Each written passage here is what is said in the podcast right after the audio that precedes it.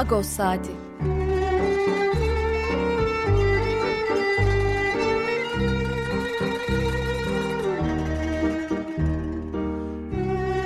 Haftalık Agos gazetesinin penceresinden Türkiye ve Dünya gündemi.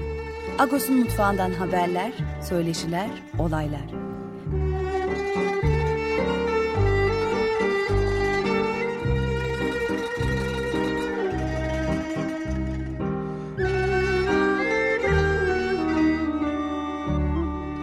Radyo Agos.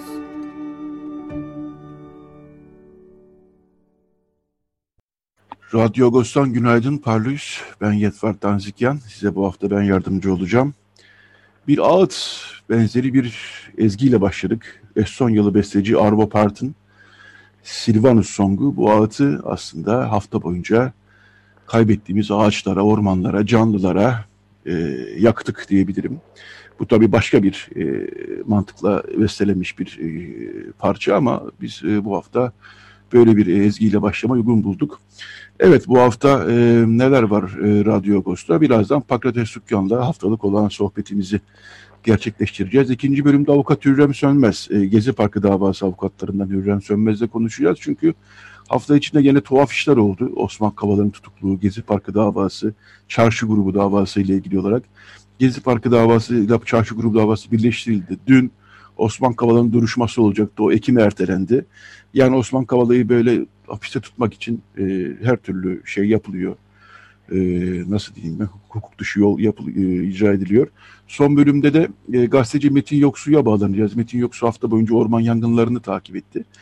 E, hatta Kemerköy Termik Santrali'nde olup bitenleri de yakından takip etti de aynı bölümde yine Yunanistan'a uzanacağız. Evrende de Yunanistan'daki orman yangınları ile ilgili olarak bize neler olup bittiğini e, suyun karşıya bağlanacağız. E, Agos'un bu haftaki manşetinde e, orman yangınları vardı tabii ki ve geleneklerimiz dizisi devam etti. E, içerik her zamanki gibi zengin. E, ben çok fazla Pakrat abi hatta bekletmeyeyim. E, günaydın Pakrat abi, Parlus. Günaydın Parlus Şefat, günaydın. E, giriş şarkısını da böyle bir ağır e, bir bir tür yaz şarkısı gibi bir şeyden seçtim. Çünkü hakikaten hepimizin e, içi yandı. Yani e, geçen çarşamba 10 gün önce Manavgat'ta başlayan yangınlar daha tam olarak söndürülebilmiş değil ama ağır yani önemli bir kısmı en azından Perşembe gecesi Cuma sabahı e, söndürüldü. Hala Köyceğiz'de ya da başka yerlerde e, ufak tefek Aydın'da e, yangınlar olduğunu, ufak tefek değil belki de büyük tam göremiyoruz e, buradan ama yangınlar olduğunu biliyoruz ama 10 gün boyunca hektarlarca alan e, mahvoldu. Hükümet doğal olarak eleştirilerin odağında e, çünkü ilk günden itibaren hem e, yangın söndürme uçağımız olmadığı, Türkiye olarak yangın söndürme uçağımız olmadığı ortaya çıktı. Hem de hep sürekli bir suçu başkalarına atma e, yaklaşımlarına sahne oldu e, siyaset. Hükümet daha doğrusu bunu yaptı.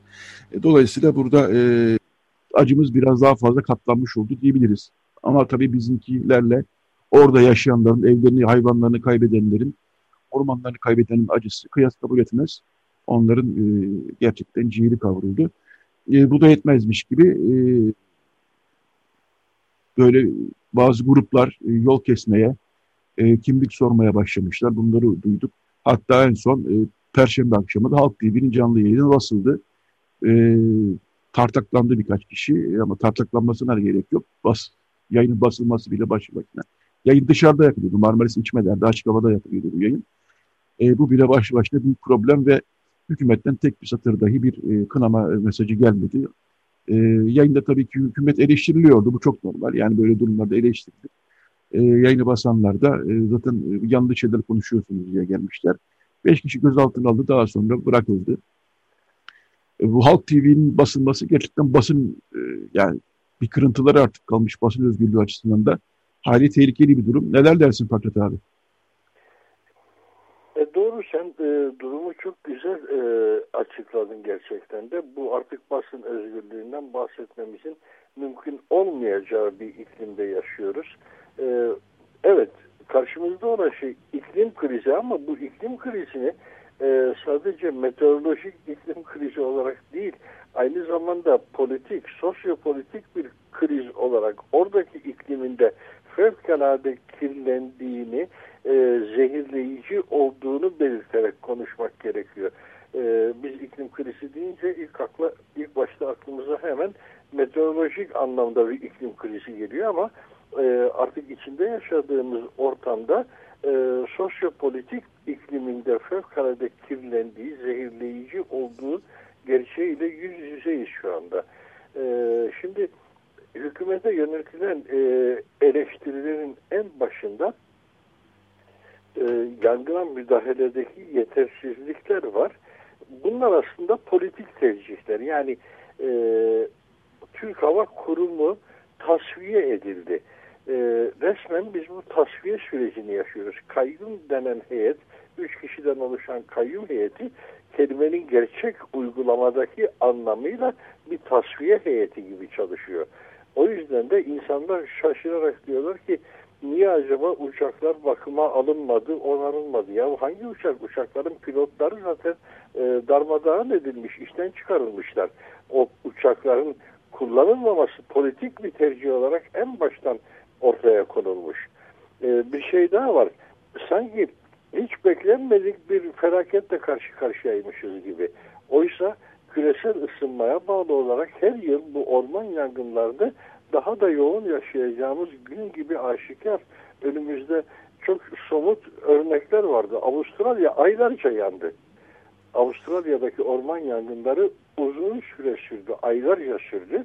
Bizde ise birdenbire sanki bu orman yangını hiç olmaması gereken bir şeymiş de birileri yangın çıkarmış gibi bir algı yaratılarak işte o demin bahsettiğim e, toplumsal aklımızdaki e, zehirlenme, oradaki e, kirlilik, oradaki iklim krizi e, yol kenarında kimlik sormaya kadar götürdü meseleyi.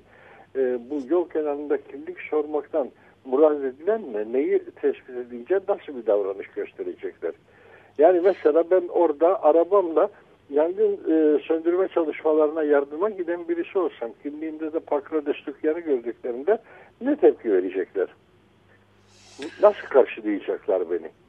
Ya da ya da doğum yerin linç edilen iki kardeşin haberini okuduk. Bu iki kardeş Kürtmüş. Ayrıca bunların eğilimi AKP taraftarıymış. AKP seçmeniymişler. Ve babalarının tavsiyesiyle oğlum oturmayın evde kalkın gidin şu yangına yardımcı olmak lazım demiş babaları. İki kardeş yola çıktıklarında e, bu çevirme noktasında her neredeyse şivelerine şüphelenmişler. Vay siz Kürtler buraya yangın çıkarmaya geldiniz diyerek adamları linç etmeye kalktılar. Jandarma zor kurtardı ellerinden. Linç etmeye kalktılar zor kurtardı derken 3000 kişiye yakın bir kitleden bahsedildi o haberde. Doğruluğunu bilemiyorum. Kim saymış, nasıl saymış bilmiyorum ama e, verilen haberin yalancısıyım. Yani böyle şeyler anında da kitleselleşebiliyor. Bütün bunlar çok tehlikeli bir potansiyeli geliştirdiğimizi düşündürüyor. Ülke olarak tehlikeli bir potansiyel geliştiriyoruz. Zaten kutuplaştırılmış bir toplum var. O kutuplaştırılmış toplumun içerisinde her vesileyle de kıvılcımlar çakacak ortamlar yaratıyoruz. Evet, e, Halk TV yapılan baskını bu yol kesme e, uygulamaları, uygulama diye ama diyelim yani, e, yol kesme mantığı daha doğrusudan ayrı düşünmek mümkün değil. E, orada bir hareketlenme var. Bu hareketlenmeyi de e, bu üstü kapalı ya da üstü açık mesajlar açıkçası e, körüklüyor. E, terör, e, şimdi e, İçişleri Bakanı Süleyman Soylu bile, e, bile diyorum, e, elimizde e, şey yok, e, bir emarı yok e, dedi. E, fakat işte e, Cumhurbaşkanı Erdoğan bir gün sonra çıktı dedi ki bazı ipuçları var değerlendiriyoruz. Hani terör var mı yok mu gibisinden. Aslında e, bürokrasi ve e, bakanlar diyebileceğim e, bir grup bu konuda çok temkinli davranırken ne yazık ki Cumhurbaşkanı Erdoğan e, bu konunun böyle kafasını açar bir konuşma yaptı. Öyle yapınca da zaten bütün bu konuşmaların yapılmasına gerek de yoktu. E, oradan e, ahbaplarımız da var. Yani e, duyuyoruz, kulağımıza geliyor. Herkes zaten bu işin altında başka bir iş olduğunu düşünüyor. Fakat yani kimse kafayı kaldırıp Yunanistan'a, yani İtalya'ya, bütün bir Avrupa'ya bakmadı. Gerçekten Akdeniz yanıyor. Lübnan, e, bir ekolojik krizin içerisindeyiz fakat ne yazık ki bu kriz e, bizde politik bir ayrımcılığın e, tekrar zemin bulmasına e, vesile oldu. E, bu hakikaten can sıkıcı bir gelişme ve bu kolay kolay da hani kaybolacak gibi gözükmüyor. Yangınlar söndükten sonra da sanki bunun tortusu kalacakmış gibi gözüküyor. E, ben e, bu haftanın e, gazetesine geçeyim buradan. E, çünkü bu konunun bir e, kısmen de olsa e, ikinci bölüm 10 saat ondan sonra konuşacağız. E, ben bu haftanın gazetesine geçeyim buradan. Bu haftanın gazetesinde e, e, Konya'da bir Kürt aile e, katliama uğramıştı. Konya'da Kürt olmak kitabının yazarıyla konuştuk e, ve bir tesadüf oldu. Murat Mıçı da Konya Ereğli Ermeni, geleneklerimiz yazısında Konya Ereğli Ermenilerini yazdı bu hafta. E, ikisi de önemli yazılar ve röportajlar. Tavsiye ederiz. İnsan hakları gündemi devam ediyor. E, Vartu Balyan Ermenistan'da e, Karabağlılarla e, savaş öncesinde e, uzun uzun röportaj yapmış bir kitabın yazarıyla e, röportaj yaptı o da ve e, yani Karabağ'daki ruh halini anlamak açısından önemli.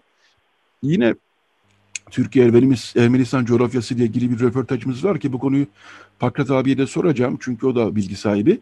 Hırak Papazyan ve Aykut e, Öztürk Ermenistan pasaportu yani Türkiye'li Ermenilerden Ermenistan pasaportu almış ya da Ermenistan'a göç etmiş e, kişilerle e, yine savaştan önce yani geçen yıl Karabağ Savaşı'ndan önce başlayan e, uzun bir akademik çalışma yapmışlar. O çalışmanın sonuçlarını bir makalede ortaya koydular. Onlarla bir röportaj yaptık bizde. Nasıl bulgularınız var gibisinden. İkisi de çok ilginç şeyler söyledi. Hem e, pasaport almanın arkasında yatan niyetler sahipler hem de çok az göç edenler aslında. Pasaport alanları kadar değil. Pasaport alanların çok küçük bir kısmı göç etmiş. Hem de o göç edenlerin Ermenistan'a gittiklerinde karşılaştıkları durumlar e, üzerine e, çok ilginç bir söyleşi. Şener Dinçap'ta tavsiye, yani Agos'a her hafta tavsiye ediyoruz ama bu hafta daha, daha da ilginç e, konular var. Pakrat abi e, sen de Ermenistan pasaportu almışsın değil mi? Doğru biliyorum.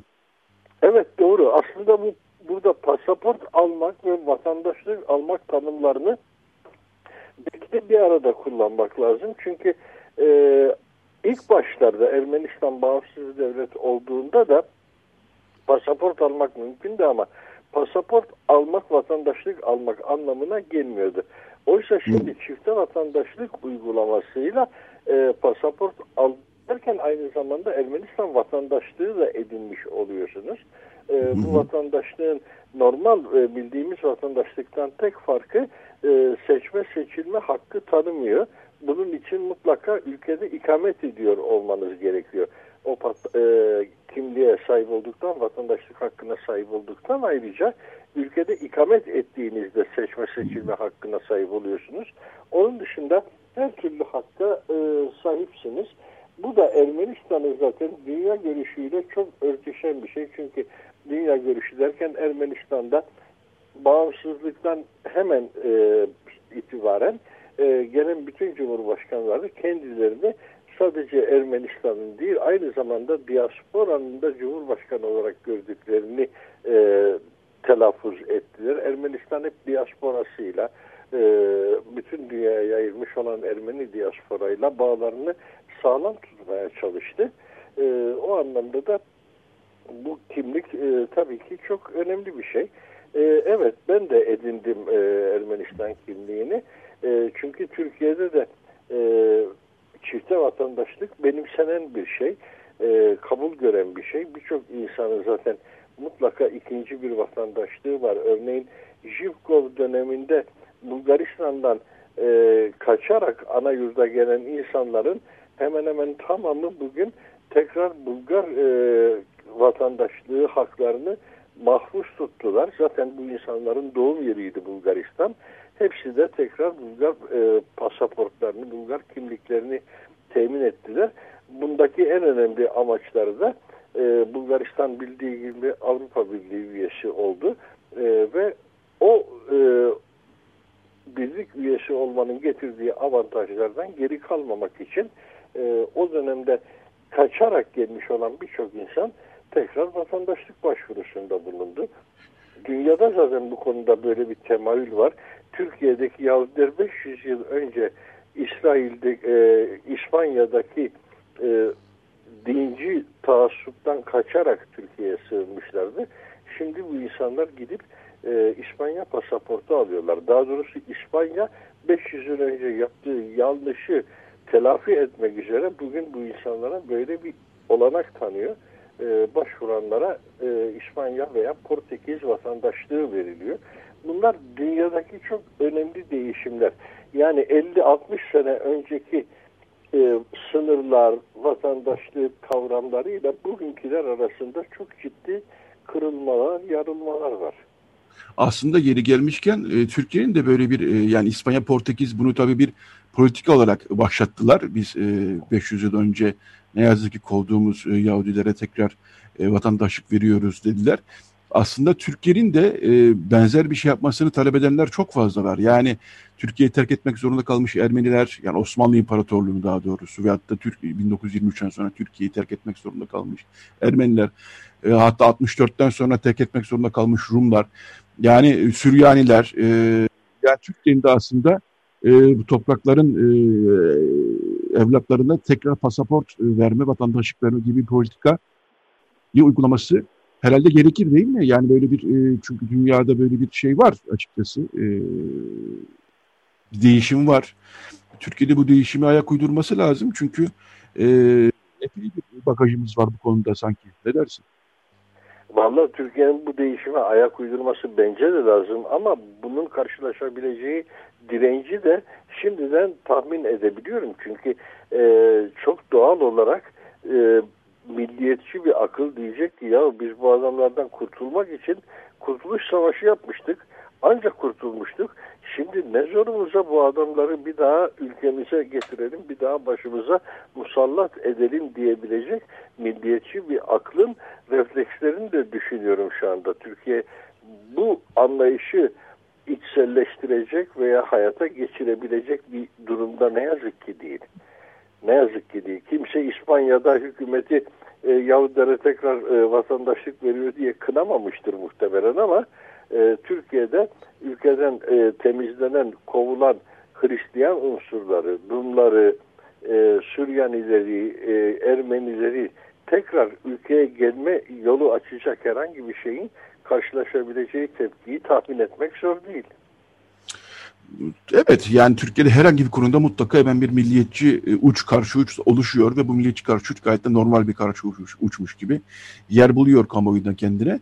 Yine de bunları telaffuz etmenin bir mahsuru yok, talep etmenin bir mahsuru yok hatta gerekli diye düşünüyorum. E, şunu da yani aslında biz nereden buraya geldik? E, Türkiye'li Ermenilerin Ermenistan pasaportu alması, ya da çok küçük bir kısmının göçmesi konusunu konuşuyor. Kırak Papazyan ve Aykut Öztürk'ün yaptığı çalışma hakikaten ilginç. Yani çok da ilginç şeyler söylüyorlar. Bunlardan bir tanesi de e, yani Türkiye'li Ermenis, Ermenilerin Ermenistan pasaportu alırken aslında e, Ermenistan'ın AB'ye e, üye olmasa bile e, AB'nin Ermenistan üzerindeki vize e, uygulamasını kaldıracağı yönünde haberler vardı bir zamanlar. Bu da biraz etkili olmuş gibi gözüküyor. E, yani tek e, etki bu değil ama bu da biraz etkili olmuş gibi gözüküyor diyorlar. Yani e, şöyle de bir durum e, dolayısıyla aslında var.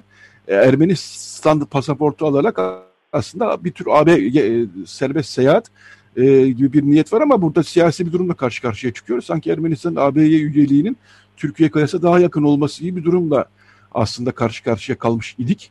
E, atmosfer her zaman değişiyor tabii ama burada ne yazık ki Türkiye'nin de son 5-6 yıldır bilhassa e, AB politikalarında geriye gidişinde payı olsa gerek. Bu konuyla ilgili çok kısa bir görüşünü alacağım çünkü şarkıya gideceğiz birazdan Fakat abi. Ee, peki bu konuda çok kısa bir şey söyleyeyim ama zannediyorum ki etkenler belki de bundan daha da farklı boyutlardadır.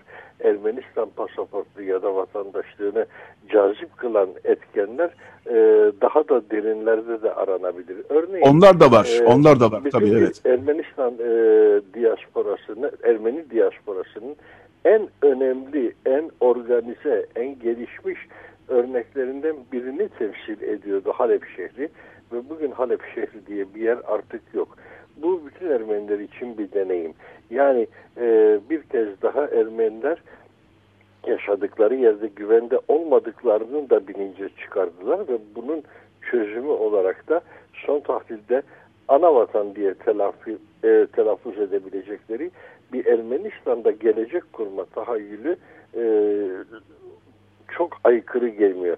Doğrudur ki arada kültürel farklar var, yaşam tarzı farkları var, bir sürü anlayış farkları var, şu var, bu var. Ama bütün bu farklar bir nesil içerisinde ortadan kalkabilen şeyler. Oysa e, diasporada nesiller boyunca kalkamıyor. E, kalkmak bir yana tek alternatifi asimile olmak oluyor. E, asimile olmadan e, yaşayabileceğin tek yer belki de kendi yurdundur gibi bir algıda çok hakim, çok egemen. Ben bunun da önemli bir etken olduğunu düşünüyorum bu tercihlerde. Evet, Hırak ve Aykut Öztürk bunun da altını çiziyorlar aslında. Ben bir kısmı, bir bölümünü, e, bir parçasını e, not etmiştim burada. Evet, e, bu bölümün sonuna geldik Pakrat abi. E, çok teşekkürler yayına katıldığın için. Sağ olasın. E, haft haftaya inşallah. Haftaya inşallah tekrar buluşmak üzere. Sağ olasın. Tamam inşallah. Evet, e, bir şarkı dinleyelim. Ondan sonra reklam arasına gidelim. E, grup Aptal. Abdal, ben yanlış e, telaffuzumu e, becerememiş olabilirim. Grup Abdal ama ne demek istediğimi anlıyorsunuz.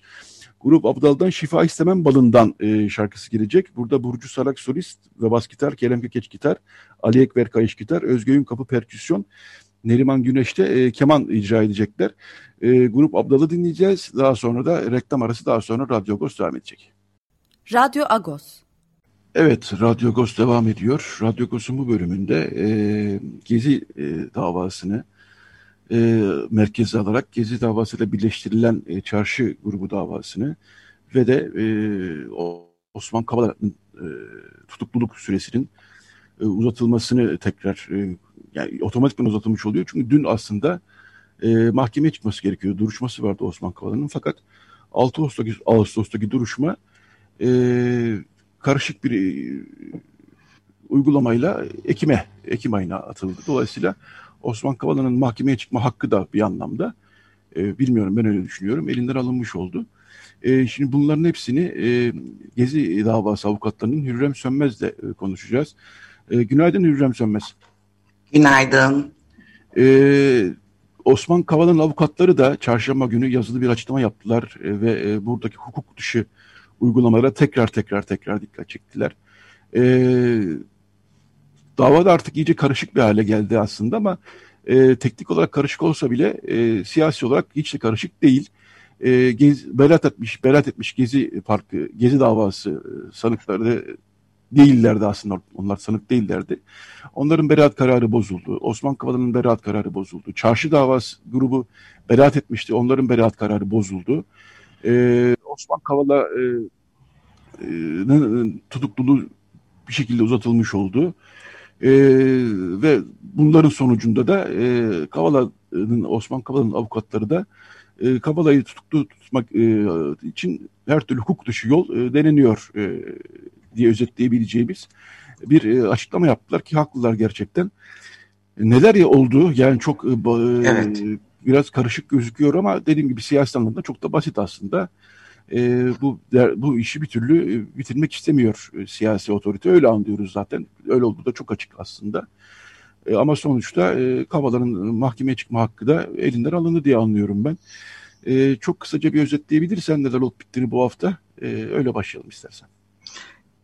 Evet yani tabii şimdi e, karışık olduğu doğru biz bile artık e, dosyanın avukatları olarak e, içinden çıkamıyoruz. Şöyle diyelim normal şartlarda 6 Ağustos'ta yani dün e, dur, duruşmasının görülmesi gerekiyordu. Bu e, İstinaf Mahkemesi'nce bozulan beraat kararına ilişkin Gezi davasının e, yargılaması 30. Ağır Ceza'daki e, dosyanın duruşmasıydı.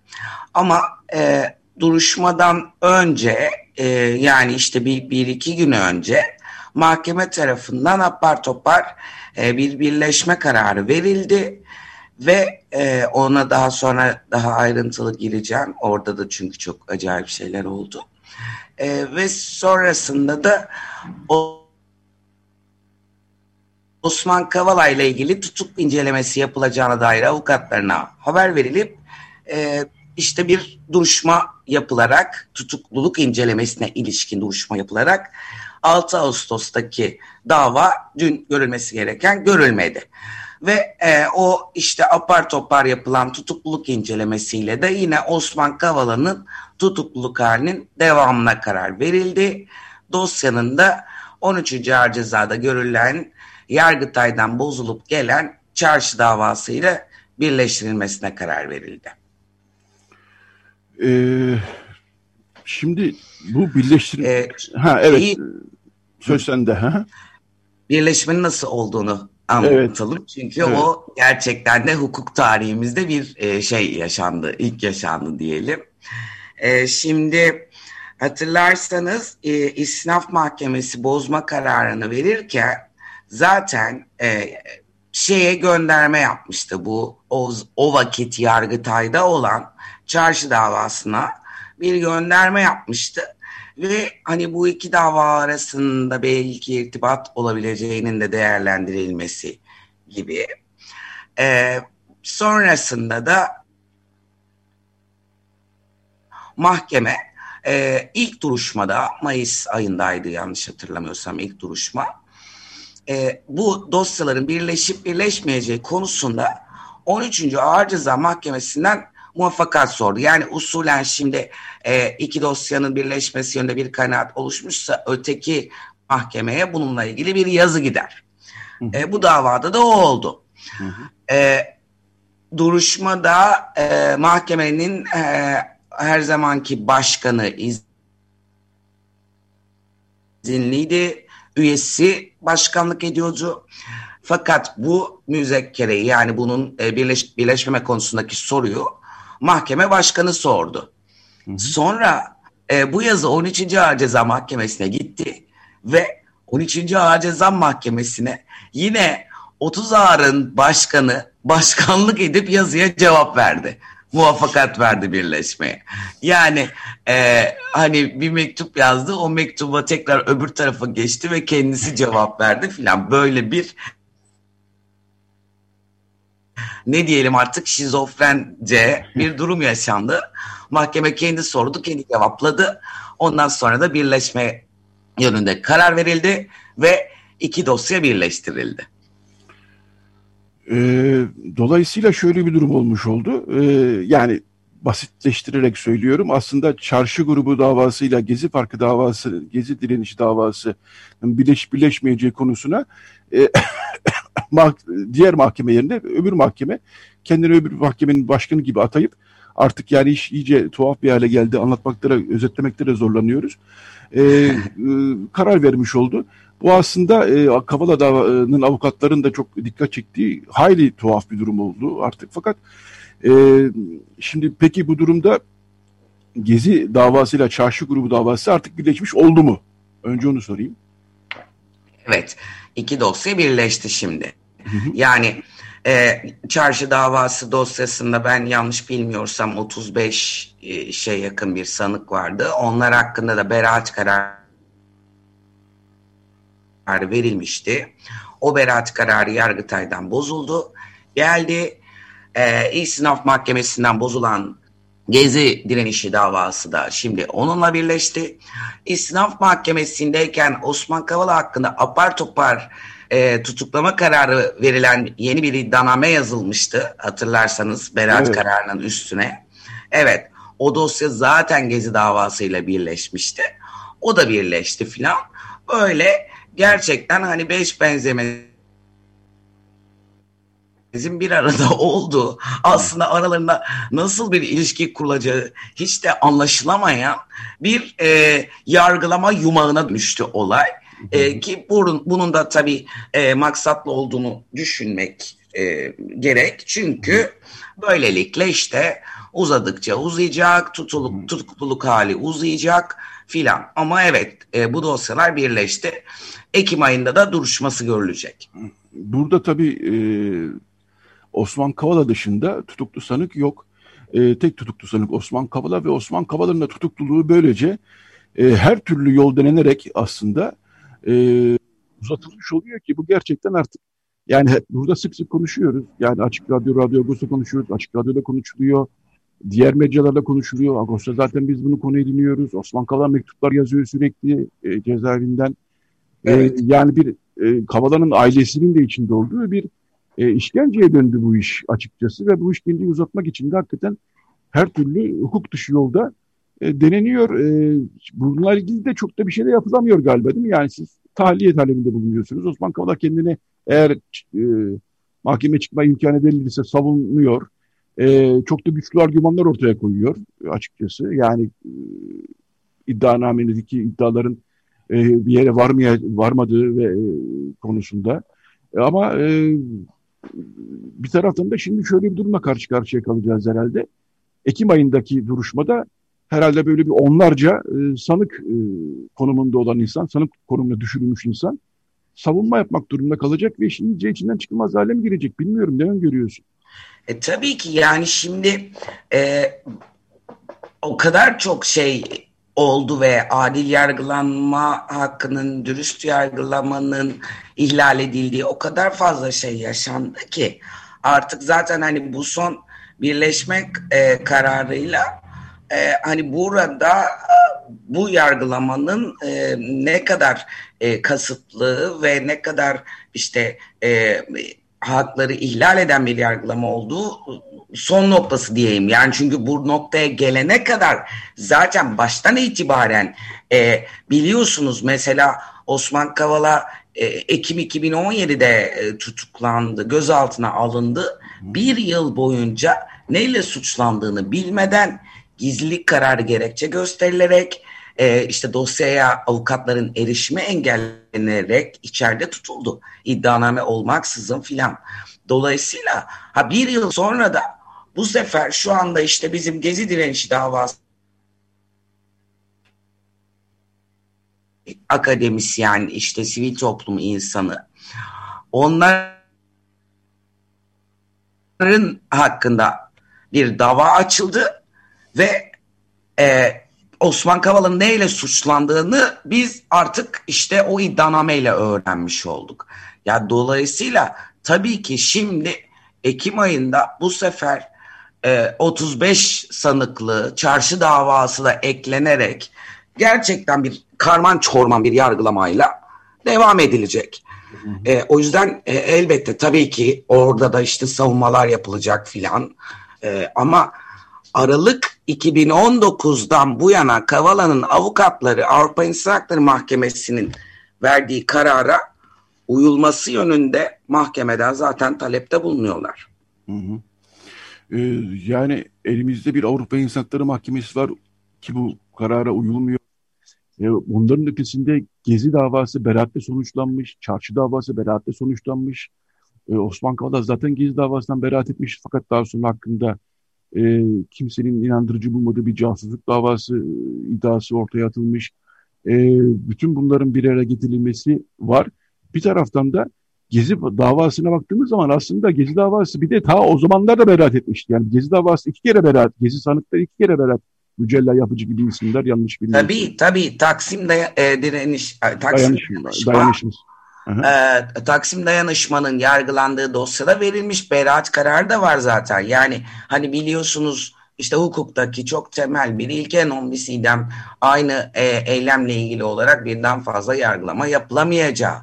Bu kural zaten böyle artık ihlal e, edilmiş vaziyette. Kimsenin de umursadığı yok. Ama bununla ilgili e, verilmiş e, kaç tane beraat kararı var zaten şu anda. Avrupa İnsan Hakları Mahkemesi kararı dışında. Ee, bu tablo içerisinde tabii e, insanlar ne yazık ki e, biraz e, umutlarını kaybediyorlar ama e, bize güç veren yani e, isim de aslında burada Osman Kavala oluyor. Çünkü hiçbir zaman aslında e, umudunu, direncini kaybetmiyor. E, Ekim ayı dedik. E, sen hazırladın. Ekim 2017'de gözaltına alınmış dedin. Yani Ekim ayındaki duruşmada Osman Kavala tam 4 yıldır bu durumda. E, değil mi? Yanlış hatırlamıyorum. E, hapiste olmuş olacak. Yani e, 4 yıldır e, içeride olmasına rağmen e, Osman Kavala hala e, üretmeye, düşünmeye ve umutlu olmaya devam ediyor.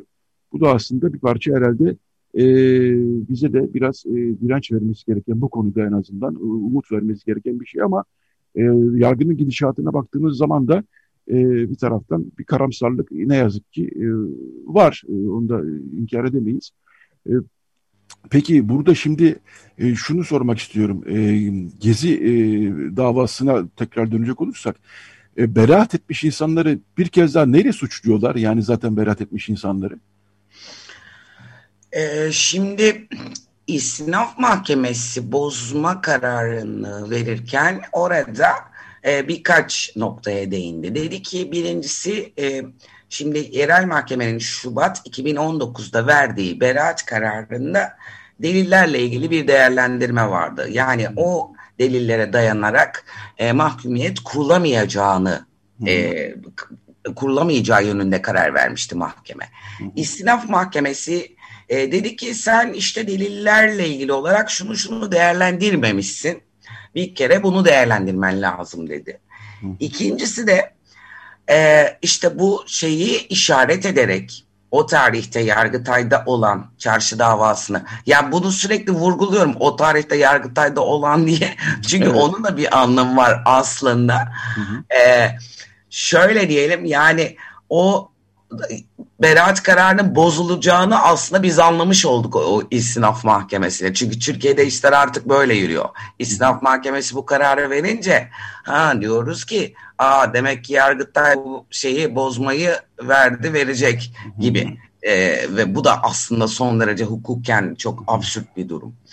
Ee, o kararı işaret ederek e, bunu da değerlendir dedi. Belki işte burada bir irtibat vardır. Şimdi hatırlarsanız ilk hazırlanan Gezi iddianamesinde e, bu işte Otpor, Canvas vesaire suçlamaları göndermeleriyle e, gerçekleşmeyen bir takım eylemlerden ötürü işte efendim bir televizyon açılması projesi Osman Kavala'nın da dahil edildiği veya bir film belgesel film projesi filan ve bunlar yapılmamış aslında.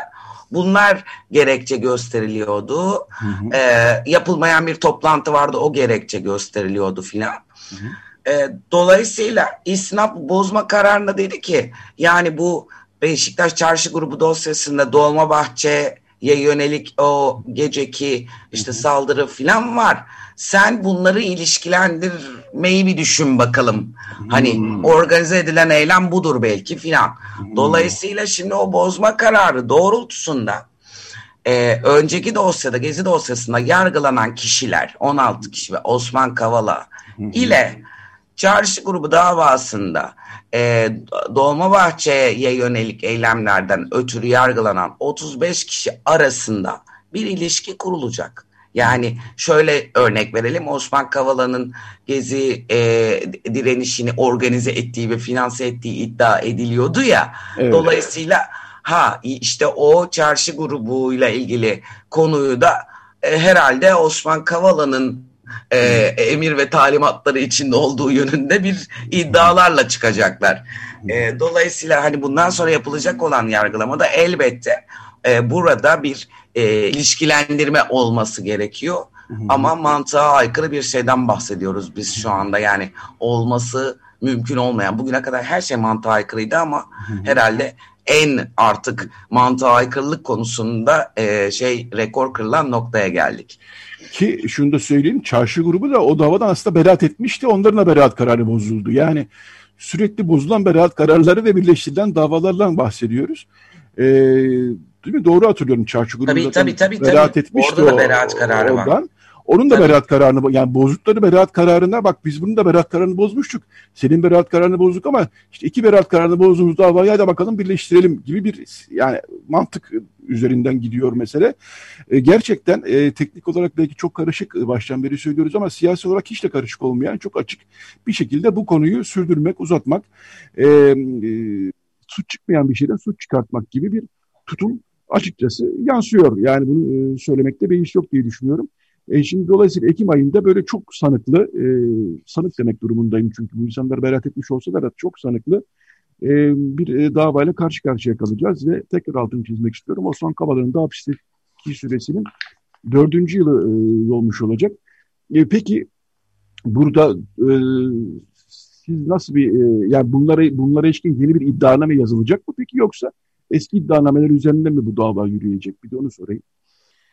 Yani ek iddianame e, yazılmasını gerektirir bir durum görülmedikçe evet öncekinden yürüyecek başka bir e, şey olmayacak. Ama e, daha önce zaten e, savunmaları da alınmıştı.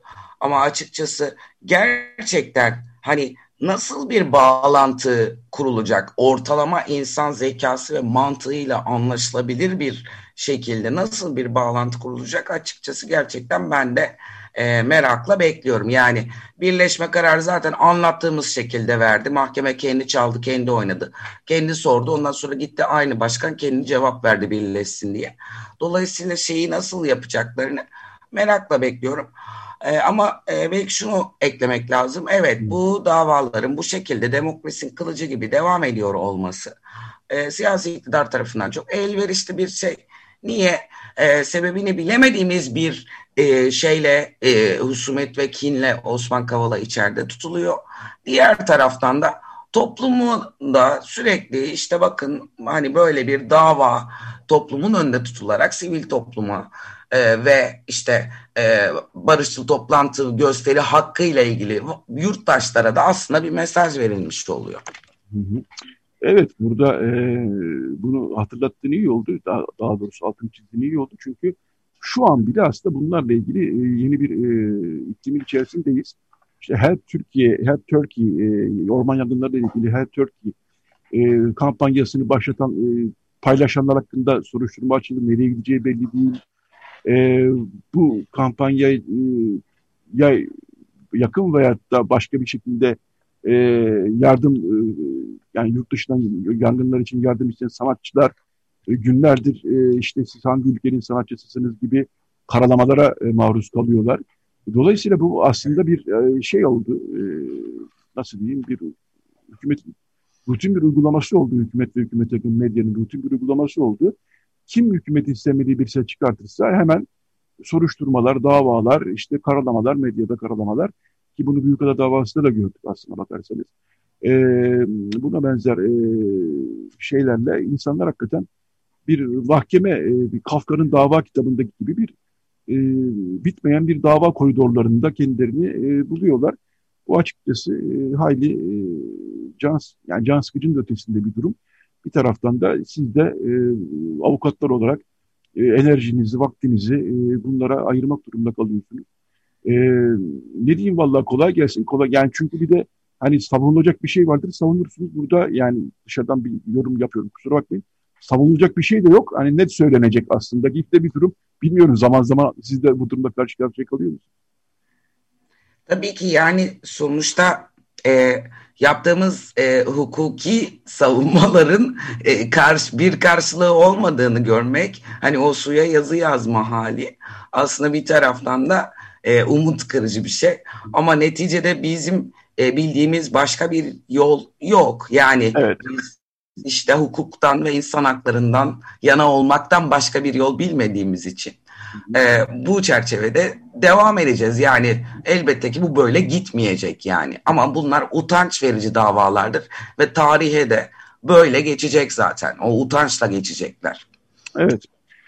Hürrem Sönmez, e, Gezi davası avukatlarından e, Hürrem Sönmez konuğumuzdu. Çok teşekkürler Hürrem. E, Rica ederim. Çünkü Hürrem'de de bir ahbaplığımız var. E, Hürrem'de kusura bakmasın dinleyiciler. e, çok teşekkürler yayına katıldığınız için. Size e, kolaylıklar diliyorum. Bilhassa da Ekim ayındaki duruşmalar kolaylıklar diliyorum. Te tekrar teşekkür ederim yayına katıldığınız için. Ben teşekkür ederim. İyi yayınlar diliyorum. Teşekkürler. Hoşçakalın. Teşekkürler. Hoşçakalın. Ee, evet, Radyo Agos'un ikinci e, kuşağını da, e, ikinci bölümünün de artık sonlarına geliyoruz. E, Radyo Agos biliyorsunuz şarkılı bir program. E, şimdi bu bölümde, e, geçen hafta da çalmıştık, çok da beğenilenler olmuştu. Noray Kardeşyan yönetimdeki Van Project'ten e, bir şarkı dinleyeceğiz. Nairyan Ahçikleri var, yani Nairi kızlarının dansı başlıklı şarkıyı dinleyeceğiz. Daha sonra bir reklam arası olacak, daha sonra da orman yangınları konusunu e, gazeteci Metin Yoksu ve gazeteci Evren Dede ile Karşıyaka'ya da uzanacağız Yunanistan'a. Gazeteci Evren Dede ile konuşacağız. Evet şimdi Noray Kardeşyan ve Van Project'ten Nairyan Ahçıkleri Bar dinliyoruz. Radyo Agos. Evet, Radyo Agos devam ediyor.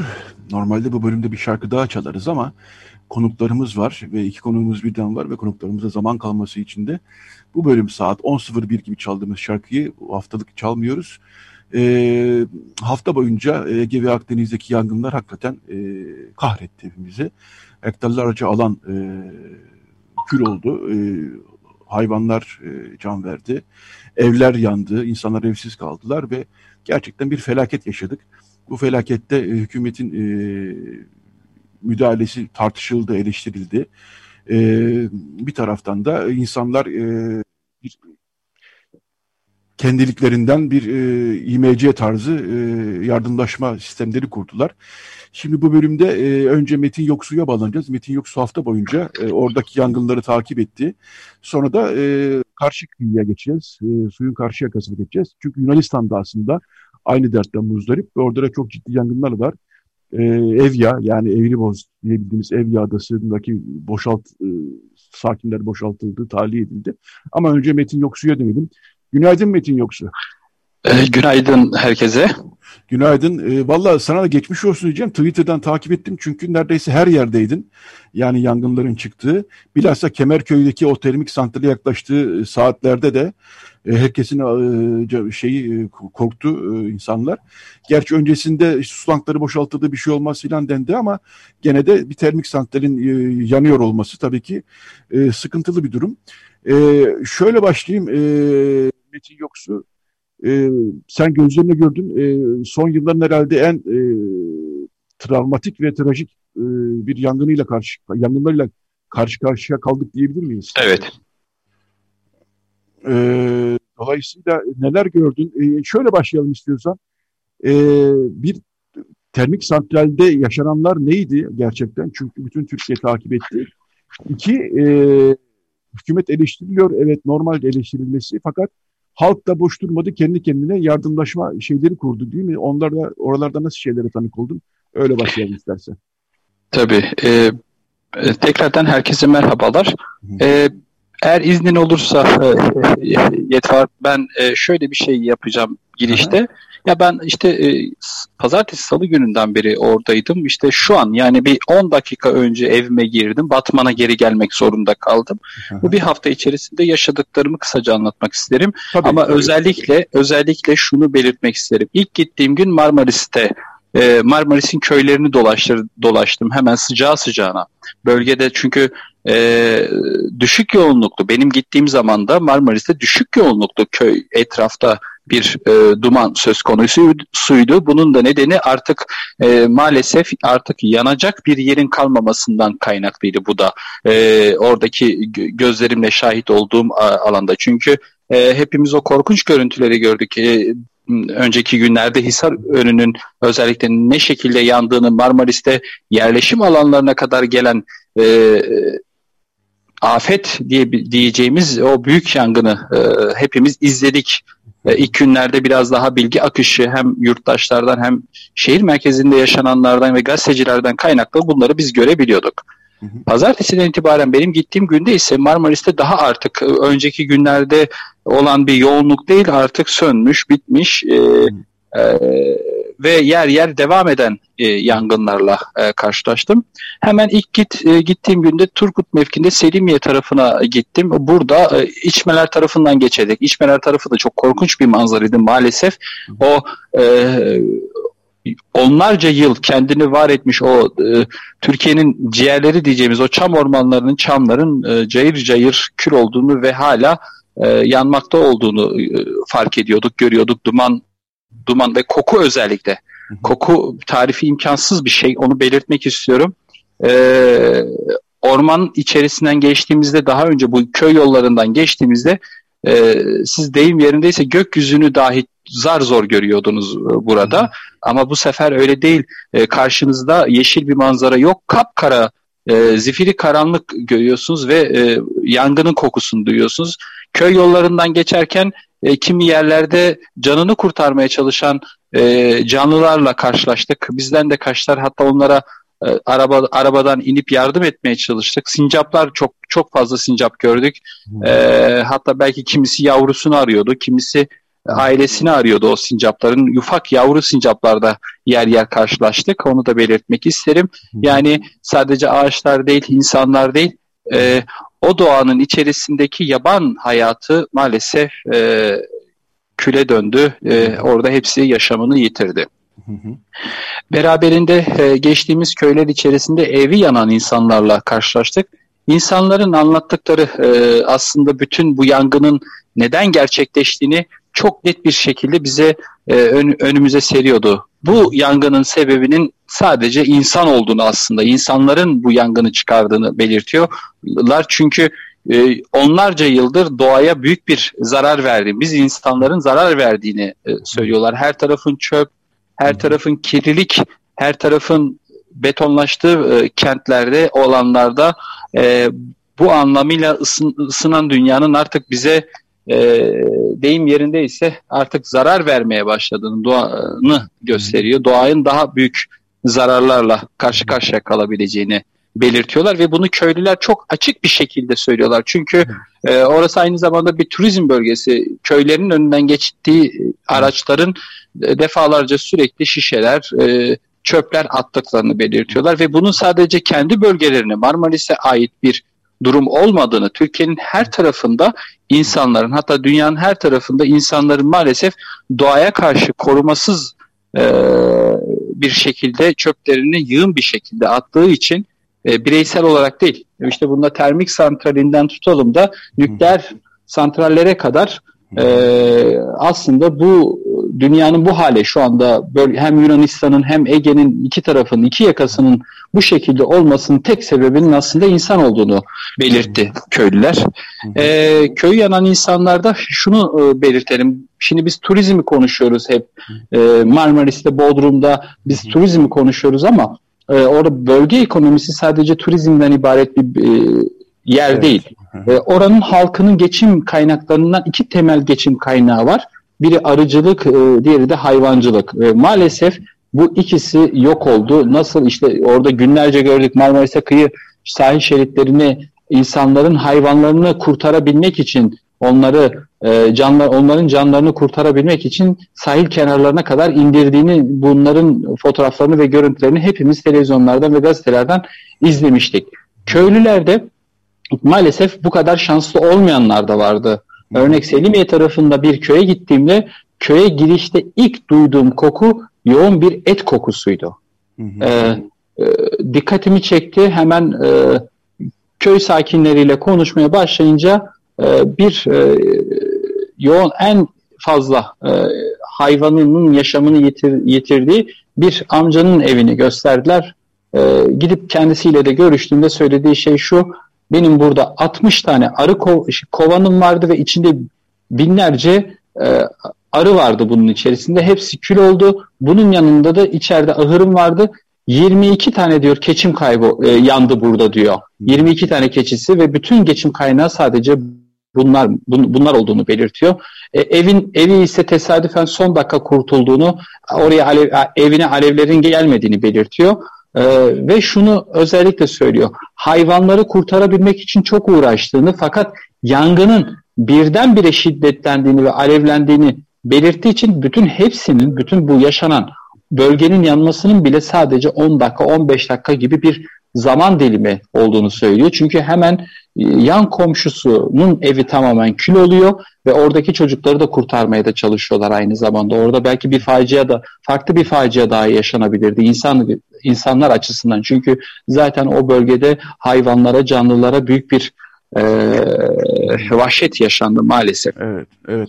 Beraberinde ee, köylüler bir diğer kısımda ise bundan sonraki geçim dertlerinin ne olacağını konuştuğumuzda ise iki şeye çok dikkat ediyorlar. Birincisi bölgenin temel geçim kaynaklarından bir tanesi balcılık, arıcılık dedik orada ee, ve e, bu bölgede tek çam yani Türkiye'nin kalbi diyeceğimiz çam balının merkezindeydik. Orası merkezi ve maalesef ormanlar yandığı için bu saatten sonra geçtiğimiz yıl ise geçtiğimiz yıl ise de köyler şuna dikkat edin. Bir önceki yıl e, kuraklık nedeniyle e, verimin düşük olduğunu ve bundan kaynaklı bal üretiminde düşüş yaşandığını belirtmişlerdi. Bu yılda yaşanan bu durumla yangınla birlikte arıcılık faaliyetinin bölgede büyük bir tehlike olduğunu artık dikkat çekiyorlar. Bu da insanlık açısından arı, arıların e, bölgede olmaması e, bölge açısından da insanlık açısından da maalesef büyük bir kayıp e, doğa ekosistem açısından da büyük bir kayıp olduğunu altını çiziyorlar. İkinci olarak dün hemen e, Park Demirli de bahsetmişti, bakanlıklar da bahsetmişti bundan e, hemen e, kısa bir süre içerisinde yanan ağaçların kesileceğini vurgusu vardı ve bu tartışma konusu da oldu sosyal medya üzerinden ve e, basında. Neden tartışma konusu oldu? Aslında bu e, tartışmaların e, odağına bakmaktan hani sosyal medyadaki tartışmalardan çıkıp aslında direkt olarak mikrofonu biz köylüye uzattığımız zaman e, önümüze nasıl bir yol haritası çıkartılması gerektiğini köylüler belirtiyor. Görüştüğüm birçok köylü ve arıcılıkla uğraşan e, insanlarla görüştüğümüzde söyledikleri şey çok net. Bakın diyor bunlar yanmış olabilir. Soğutma çalışmaları devam edip burası tamamen çünkü her an tekrar yangınlar çıkabilir. Bunun önlemlerinin ve tetikte olunması gerektiğini belirtiyor köylüler.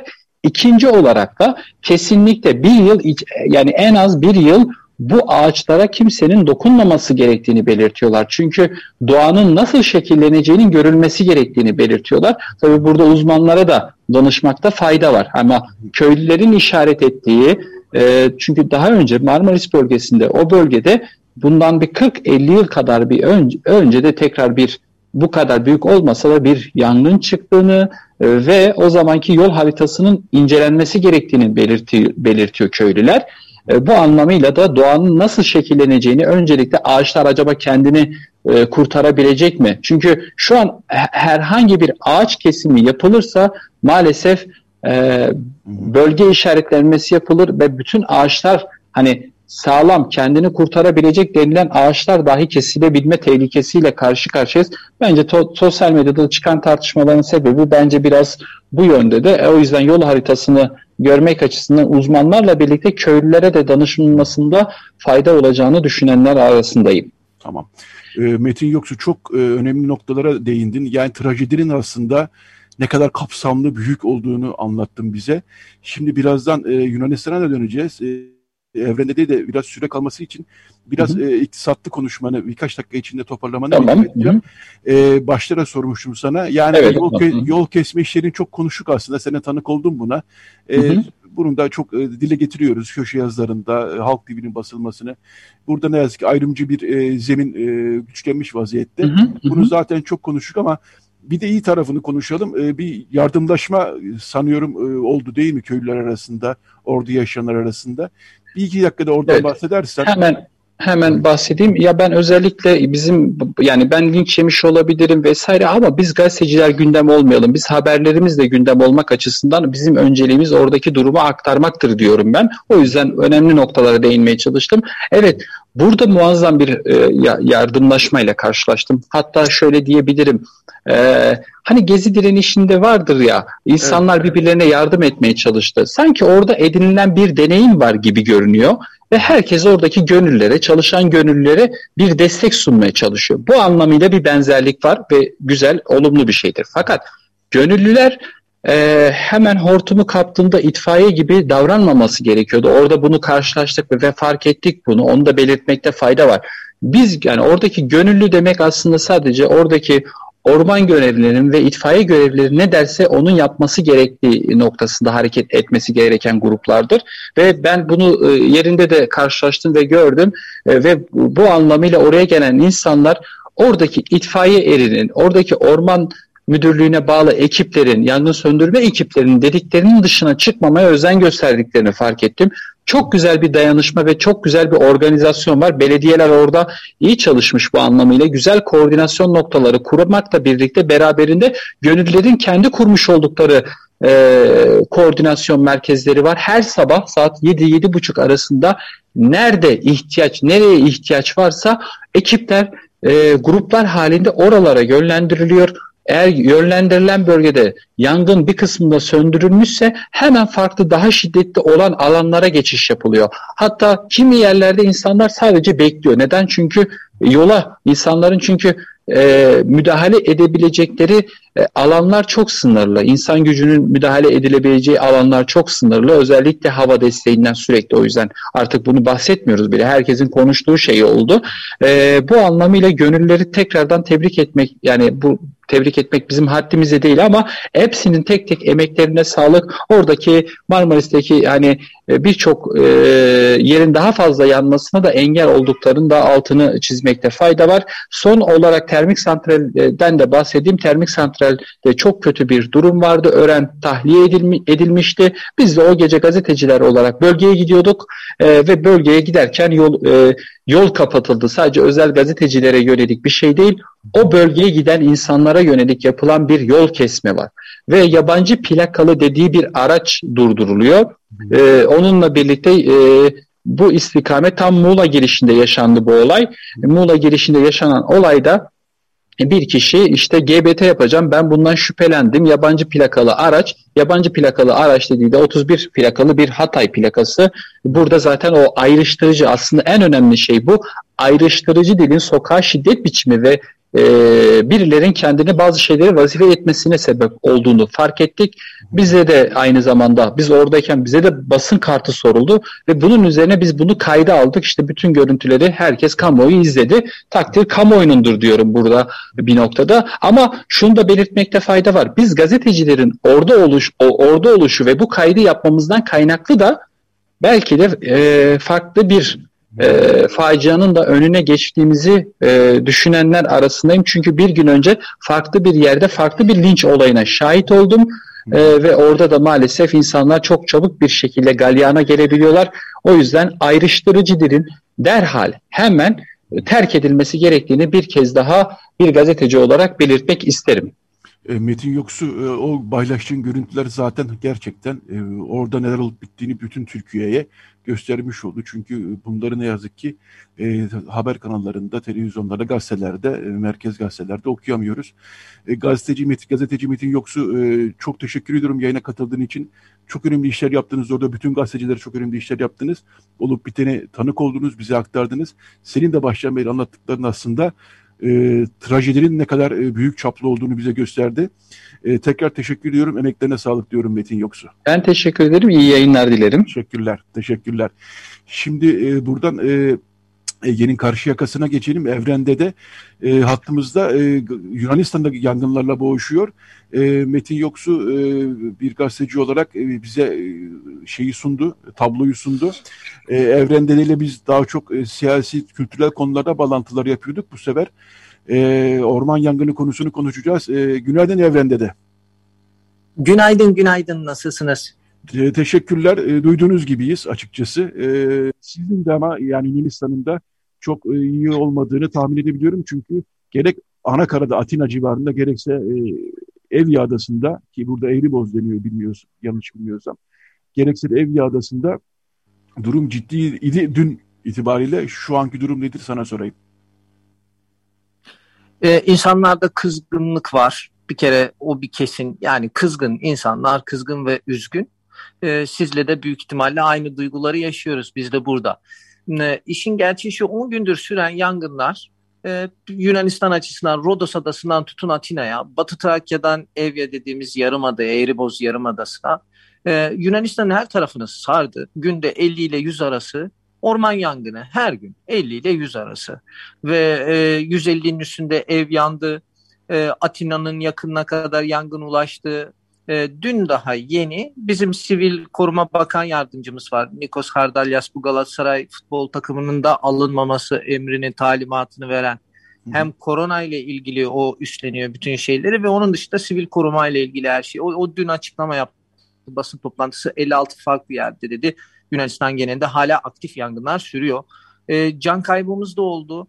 E, bir tane tamamen gönüllü bir e, yangın söndürücü e, ve, ve, vefat etti yangın nedeniyle. Köyler boşaltıldı. Bir sürü köy boşaltıldı. Hatta köylerin köylülerin boşaltılması için 112 üzerinden SMS mesajı gönderildi derhal boşaltın diye. Ee, benim telefonum dahil herkese, benim bölgemde çok daha küçük yangınlar vardı ama alert olarak yine SMS mesajı gönderdi devlet.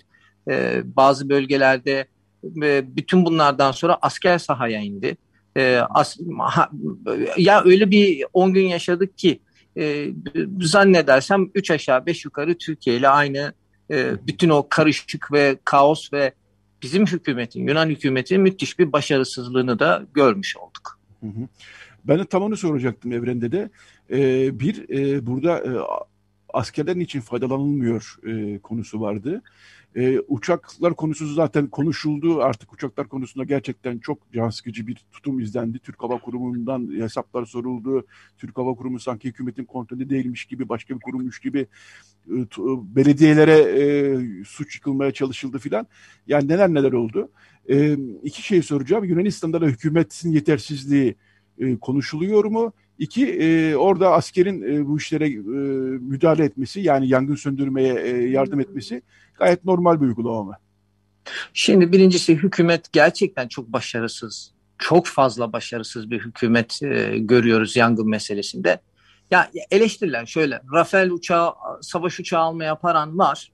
Hı hı. En basit saçma sapan iş için para ayırıyorsun yangın uçaklarının hani o listelerde Yunanistan'ın gözüken 30 tane uçağı hikaye onlar. Yok öyle bir uçak. Havalanabilen, uçabilen kaç tane uçak var? Yani e, çoğu şeylerde bizim de aldandığımız gazeteciler olarak şöyle bir şey oluyor.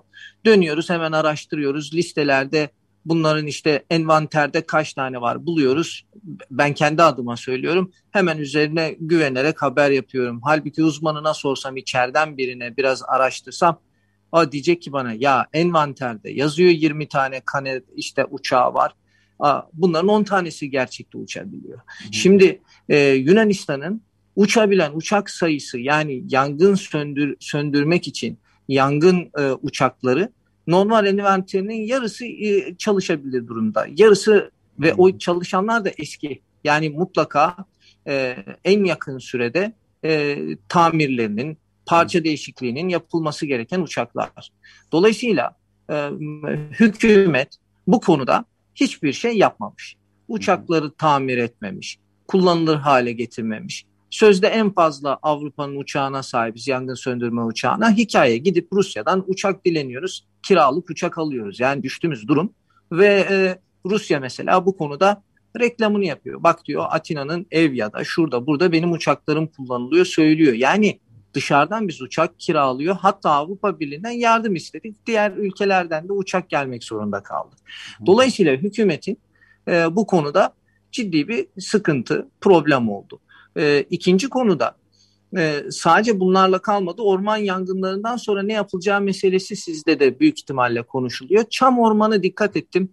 Türkiye'de de yanan ormanların çoğu çam ormanıydı. Bizim burada da çam ormanları yandı ve aynı sorunlarla boğuşuyoruz. Orman şekli açısından ve çam ormanlarının yerine başka bir ağaç dikilebilir mi? İşte neden aralık bırakılmasına rağmen ormanlarda bu yangın otobanların üzerinden atlayarak geldi? Daha henüz 1950'lerde konuşulan meseleleri biz biraz araştırdık. Aynı şeyleri konuşuyoruz. Yani 1950'de de aynı şey konuşulmuş. 70'te de aynı şey konuşulmuş. Şimdi 2022'ye geldik yine aynı şeyleri konuşuyoruz. Yani e, daha bir çam ağacının yerine başka bir şey ekilebilir mi noktasındayız. Hı hı. Ve şimdi e, hükümetin başarısızlığının dışında bir de şunu da söylemek lazım bizim açımızdan. Yunanistan'da insanlar bunu da fark ediyor. Hükümet çok başarılı kendini göstermeye çalışıyor. İşte Nea Demokratiya hükümeti bak başbakan anında müdahale etti şu falan diye. Ve diyorlar ki muhalefet döneminde de şu anki muhalefet Siriza'dır.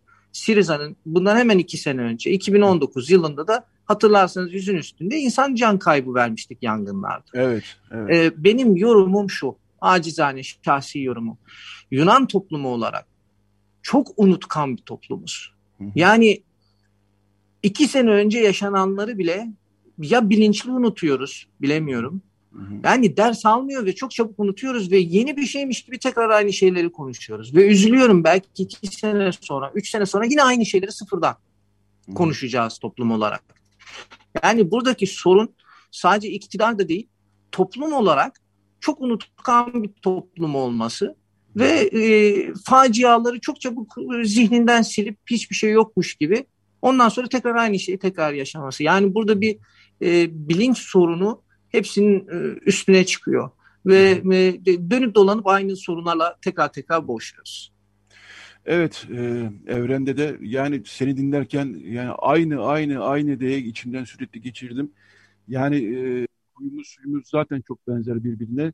Ama siyasi olarak da hakikaten çok benzer bir durumdayız. E, ama e, ne diyelim yani toplumlar ne yazık ki e, dış politikadaki siyasi çıkışların e, deli gibi ilgileniyorlar ama kendi yaşadıkları ekolojiyle, toprakla e, yani orada yaşayanlar ilgileniyor ama genel kamuoyu olarak söylüyorum, siyaset olarak söylüyorum. Bize hayatı sağlayan bu toprakla, ağaçla, e, güneşle, suyla e, ilgilenmemeyi geçtim. Onu tahrip etmek için ellerinden geleni yapıyorlar ve sonra da e, bir felakette karşı karşıya kalınca da öfkelerini e, yöneltecekleri e, birilerini arıyorlar. Bu gerçekten çok e, can sıkıcı e, bir döngü. E, çok teşekkürler. Evrende de aslında daha da uzun konuşmak istedim ama bu bölümde e, hakikaten e, hem Türkiye'yi konuştuk hem de Yunanistan'ı konuştuk. Dolayısıyla bir manzara, bir tablo ortaya çıktı diye düşünüyorum.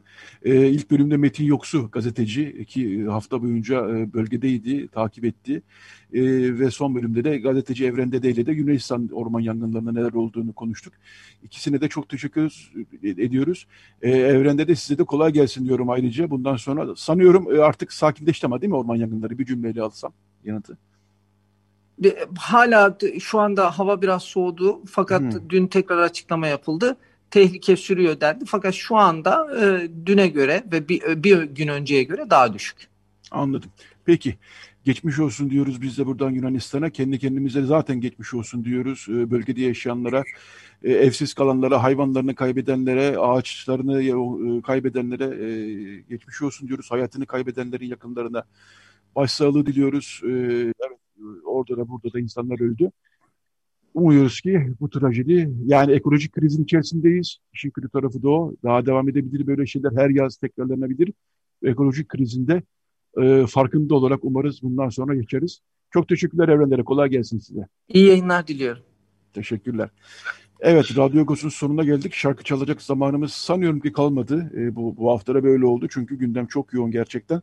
E, Rejide Feryal Kabil e, yardımcıydı bu hafta. Radyo Agos'tan bu haftalık bu kadar. E, herkese iyi bir hafta sonu diliyoruz. Haftaya tekrar buluşmak üzere diyorum.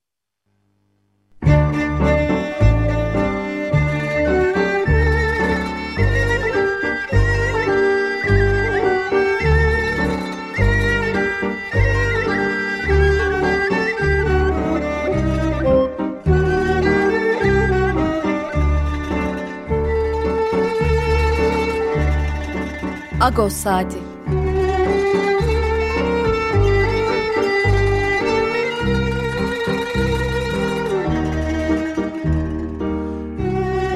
Haftalık Agos gazetesinin penceresinden Türkiye ve dünya gündemi. Agos'un mutfağından haberler, söyleşiler, olaylar.